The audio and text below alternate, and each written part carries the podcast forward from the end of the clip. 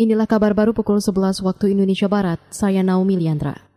Polri memastikan sebagian besar kebutuhan kepolisian dipenuhi dengan menggunakan produk dalam negeri. Juru bicara Mabes Polri Dedi Prasetyo menyampaikan hal itu sekaligus merespon kekesalan Presiden Joko Widodo yang sebelumnya menyinggung impor belanja seragam, sepatu tentara, dan polisi.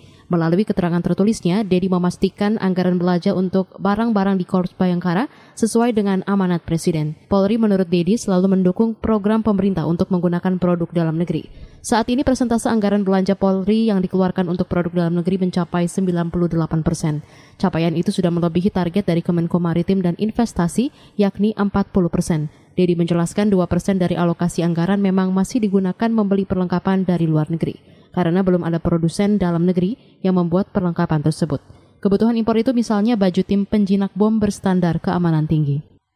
Badan Nasional Penanggulangan Bencana BNPB menyebut industrialisasi kebencanaan menjadi pekerjaan rumah yang perlu diselesaikan. Deputi Bidang Sistem dan Strategi BNPB Raditya Jati mengatakan industrialisasi kebencanaan bisa menjadi acuan untuk menerapkan standar-standar penanggulangan bencana. Ya, semangatnya apa di balik standarisasi ini? Apalagi kalau kita bicara tentang industrialisasi kebencanaan yang memang menjadi PR kita bersama bagi Indonesia. Bagaimana sebenarnya standar yang bisa kita terapkan dan merupakan bagian dari PR kita di hulu untuk menjadi suatu karya bangsa kita dihilir untuk menjadikan suatu industrialisasi kebencanaan. Deputi Bidang Sistem dan Strategi BNPB Raditya Jati menambahkan ketahanan dan ketangguhan diperlukan dalam mendukung pembangunan berkelanjutan.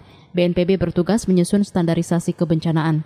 Di masa pandemi COVID-19, standarisasi akan diarahkan pada dua hal, yakni sistem penanganan bencana epidemi dan sistem manajemen kelangsungan usaha.